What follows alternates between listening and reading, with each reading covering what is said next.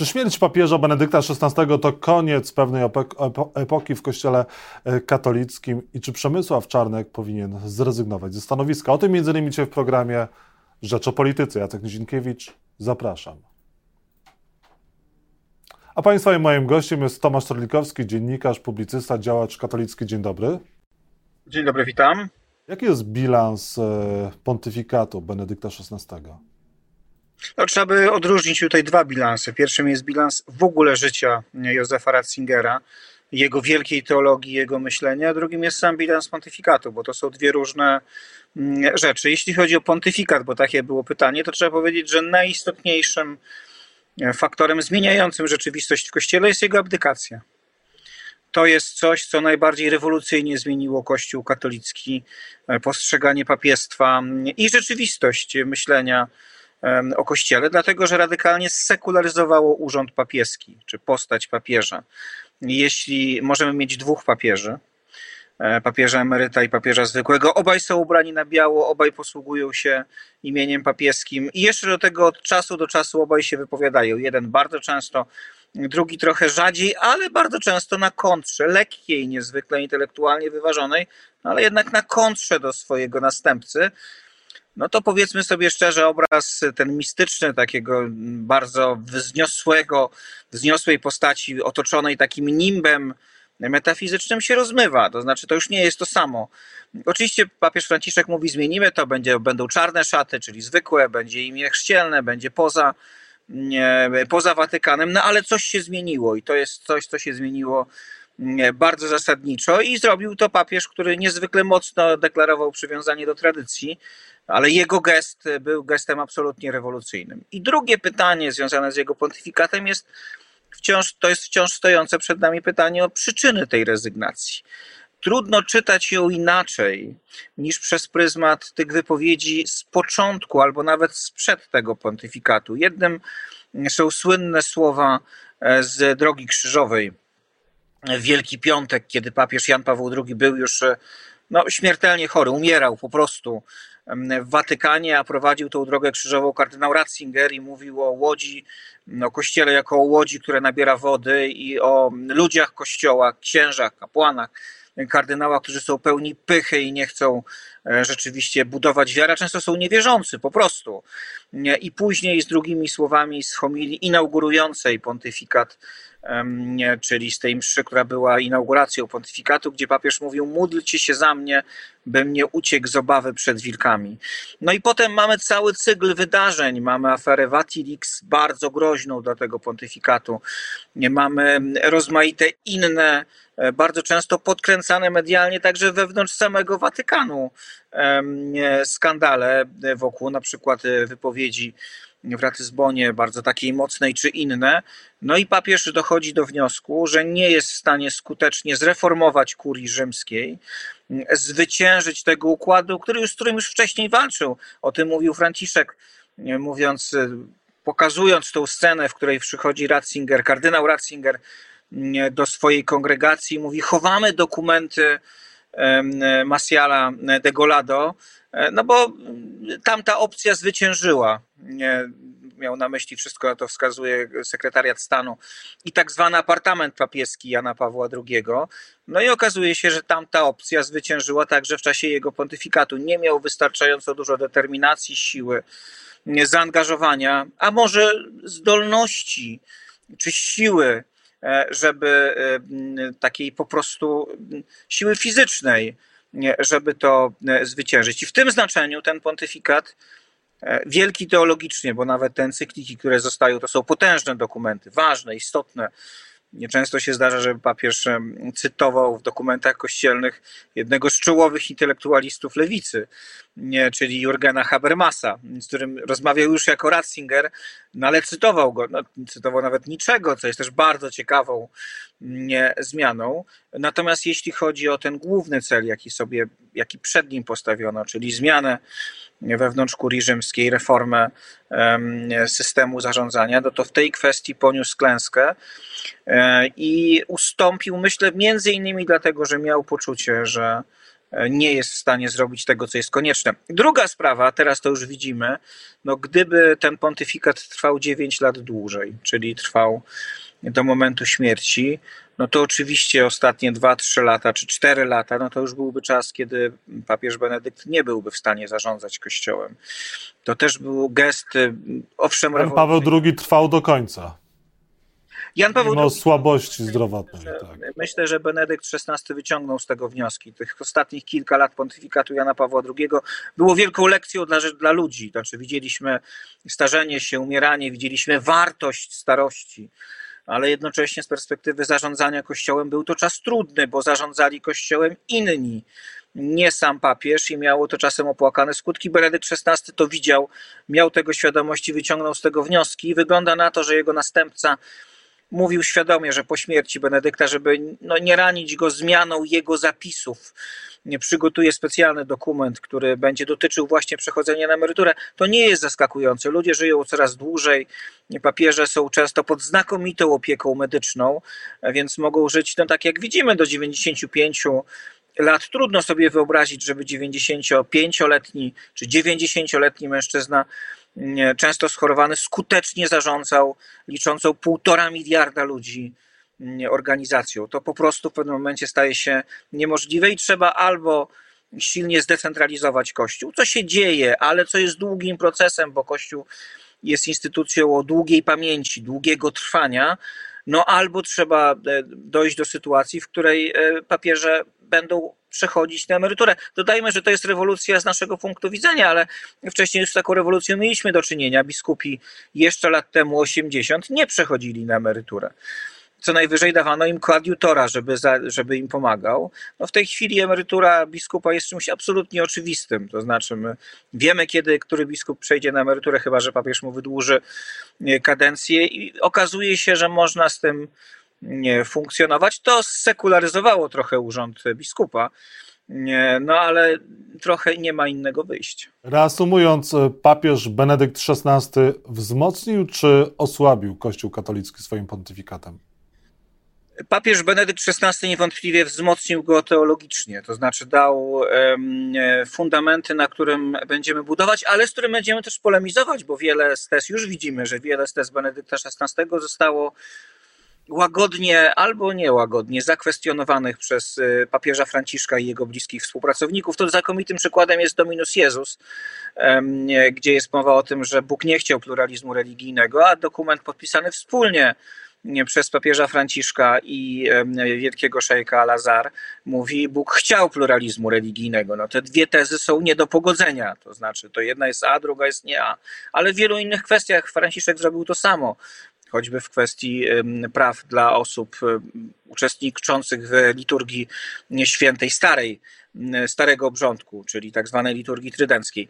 Natomiast nawet ci, którzy będą chcieli polemizować, zmieniać, iść do przodu, no to będą zawsze musieli jakoś odnieść się do tej teologii, więc intelektualnie to jest wzmocnienie. Jeśli chodzi o organizację, to po prostu nie był w stanie rozwiązać problemów, które zastał one się nie pojawiły wraz z nim i to nie on je wzmocnił. Papież Franciszek uciekł przed tymi problemami, paradoksalnie, to znaczy zarządza zupełnie inaczej. Zarządza w dużej mierze nie przez kurię rzymską, którą najwyraźniej uznaje za nieskuteczne narzędzie, ale zarządza przez grupę kardynałów, swoich bliskich współpracowników, przez najbliższych współpracowników, którzy często nawet nie są kardynałami. Jego doradcy często są po prostu szeregowymi księżmi, jezuitami na przykład. I on przez nich zarządza Kościołem. To jest skuteczniejsza metoda, ale ona oczywiście ma jedną wadę, to znaczy w momencie śmierci mm, papieża, papież Franciszek śmierci albo abdykacji, wszystko jedno, bo obie formy są niemożliwe, ona się rozpada i nie ma zachowanej takiej instytucjonalnej ciągłości, która jest po prostu bardzo ważna w tak e, wielkiej, skomplikowanej i różnorodnej instytucji, jaką jest Kościół katolicki. Yy, czy pan chciałby przeprosić może w nowym roku ministra Przemysława Czarnka? Y, nie chciałbym, to znaczy y, bez, tutaj bez żadnych żartów. Ja mam świadomość, że minister Czarnek nie jest najbardziej aktywnym, najbardziej aktywną postacią z polityków PiSu, czy takich sympatyków PiSu, którzy atakują w tej chwili wykorzystują sprawę pedofilską, straszną sprawę pedofilską ze Szczecina. Natomiast od niego wymagam więcej, bo jest ministrem edukacji narodowej. I w sytuacji, kiedy mamy, mamy do czynienia z następującym schematem wydarzenia, jest rzeczywiście działacz Platformy Obywatelskiej, który jest e, e, no, przestępcą po prostu, e, wykorzystuje seksualnie dzieci. Ta sprawa zostaje zgłoszona, ten mężczyzna zostaje skazany. Proces jest tajny, to jest oczywiste, on musi być tajny, nie ma innego wyjścia, w ten sposób chronimy dobro skrzywdzonych. Potem rzeczywiście Platforma nie robi wokół tego szumu, trudno się jej dziwić, że nie robi wokół tego szumu. Za późno wyrzuca go z partii. Co do tego nie ma sporu. On powinien być wyrzucony od razu po wyroku, nie po ujawnieniu tego wyroku. No ale później media tak ujawniają tą sprawę, bez jakiegoś większej korzyści społecznej, dlatego że ten człowiek siedzi w więzieniu, więc on w tej chwili nie jest zagrożeniem. On zagrożeniem może być za 4 lata, jak wyjdzie e, z więzienia. W tej chwili nie jest. Ujawniają, ale co do ujawnienia jego danych, ja nawet nie mam jakichś wielkich zastrzeżeń. To jest dopuszczalna praktyka. Ale ujawniają je w taki sposób, że Y, ustalenie, kto jest skrzywdzonym, zajmuje osobie ze Szczecina 10 sekund, osobie spoza Szczecina sekund 30, 40 czy 50. Tyle, ile trzeba, żeby wrzucić te ujawnione dane do wyszukiwarki. I bez pudła to wiadomo, co więcej, jest zdjęcie, ono się natychmiast pojawia, zdjęcie E, bliskich e, osoby skrzywdzonej, no to w takiej sytuacji e, minister edukacji narodowej nie powinien się zajmować dobrem swojej partii i nie powinien atakować przeciwników politycznych, ale powinien powiedzieć ujawnienie danych dziecka to jest zbrodnia przeciwko temu dziecku. Zupełnie podstawowa wiedza na ten temat pozwala nam ustalić, domniemywać, z wiarygodnością no, równą prawie pewności, co się w tej chwili dzieje w umyśle tego, e, tego człowieka. E, małoletniego dodajmy, on jest w wieku moich dzieci. To znaczy, jemu obiecano, bo zawsze się to obiecuje ofiarom skrzywdzonym, że nikt się o tym nie dowie. Że to będzie coś, co nigdy nie wyjdzie poza um, przestrzeń przesłuchania, które potem zostanie wykorzystane w procesie. Teraz wiedzą o tym wszyscy. Zdjęcie jego mamy jest w mediach społecznościowych um, i zarzuca jej się straszne rzeczy. Robią to także byli politycy prawicy. Ja widziałem takie wpisy, nie będę mówił kto, żeby za łatwo nie wskazywać, um, no, y, kto to zrobił. Um, on sam e, straszliwie się boi. Wystarczy porozmawiać z dorosłymi skrzywdzonymi, którzy opowiadają, że tym, czego się najbardziej bali, to to, że ich e, koledzy, koleżanki dowiedzą się, co ich spotkało, że będą żyli ze stygmatem ofiary, a w przypadku nadużyć homo jednopłciowych, o tak powiedzmy, no, pedofilskich, ale wobec osoby tej samej płci, to bardzo wielu, szczególnie młodych mężczyzn, straszliwie boi się, że będą ich oskarżać koledzy, koleżanki, a dzieci są okrutne o, no właśnie, o homoseksualizm to nie jest zarzut, ale pamiętajmy, w oczach dzieci inność jest zawsze powodem, żeby, żeby niszczyć. No i wreszcie będą takie pytania, jakie zadała pełnomocniczka kurii bielsko-żywieckiej, za co zresztą później kuria przepraszała, a nie czy było ci przyjemnie, e, a czy było ci dobrze. No to jest zniszczenie niesłychane i trzeba mieć świadomość, część z osób, które były poddane takiemu działaniu, nawet próbowało popełniać e, samobójstwo, bo dochodziło do prób samobójczych. Ja mam nadzieję, że osoba skrzywdzona jest tutaj otoczona bardzo taką dobrą opieką, ale to jest dla niej być może jeszcze trudniejsze doświadczenie. I teraz minister, minister edukacji i nauki powinien w takiej sytuacji najpierw zająć się dobrem dziecka. Najpierw zająć się e, jego dobrem, a dopiero później, a najlepiej w ogóle, odmówić uczestnictwa w politycznej nagonce, w politycznym działaniu. To jest coś, co zarzucam. Podkreślę jeszcze raz, są gorsi od ministra Czarnka. Gorsi są ci, którzy ujawnili te dane w taki, a nie w inny sposób. Gorsi są ci, którzy w tej chwili prowadzą nagonkę na bliskich tego chłopca. To minister Czarnek nie jest najgorszy w tej sprawie. Można powiedzieć, że on na tle wielu swoich partyjnych kolegów czy funkcjonariuszy e, mediów e, zachował się, powiedziałbym, nawet trochę lepiej. E, natomiast no, od niego wymagam więcej, bo on jest ministrem edukacji i nauki, i jego szczególnym zainteresowaniem powinna być powinno być dobro dziecka. E, on jako e, minister powinien wiedzieć, a wiedzieć, bo to jest wiedza, to nie jest przypuszczenie, wiedzieć, co dzieje się w umyśle, w emocjach, mm, w świecie wykorzystanego seksualnie dziecka, o którym zaczyna się w mediach dyskutować. Jeżeli nie wie, to powinien się skontaktować ze specjalistami. Są i w ministerstwie tym, i w Ministerstwie Sprawiedliwości, i w komisji do spraw pedofilii są eksperci, którzy mu to wszystko wyjaśnią, człowiekiem niezwykłej empatii, niezwykłej wiedzy. E, no i przecież wyrastającym E, chociaż bardzo też szybko, bardzo go cenię, ale wyrastającym z podobnych poglądów politycznych. Zresztą ja też wyrastam z podobnych, więc jakby to nie jest żaden zarzut. Jest profesor Błażej Kmieciak. Jeżeli pan minister Czarnek nie rozumie czegoś, wystarczy zadzwonić do pana profesora, zadać kilka pytań. Nie wątpię, że profesor Błażej Kmieciak z ogromną empatią, wiedzą e, i zrozumieniem dla pewnych braków wiedzy ministra wszystkie te rzeczy wyjaśni. I na koniec proszę powiedzieć, czy noszenie e, opaski z symbolem LGBT to jest kwestia wynaturzenia, bo z jednej strony oczywiście możemy się śmiać, ale z drugiej strony, jeżeli ministrowie, wiceministrowie tego rządu mówią, że doszło, to był Sylwester wynaturzeń, ponieważ jakaś grupa miała opaski LGBT, no to jak, jak to wygląda też ze strony Kościoła katolickiego?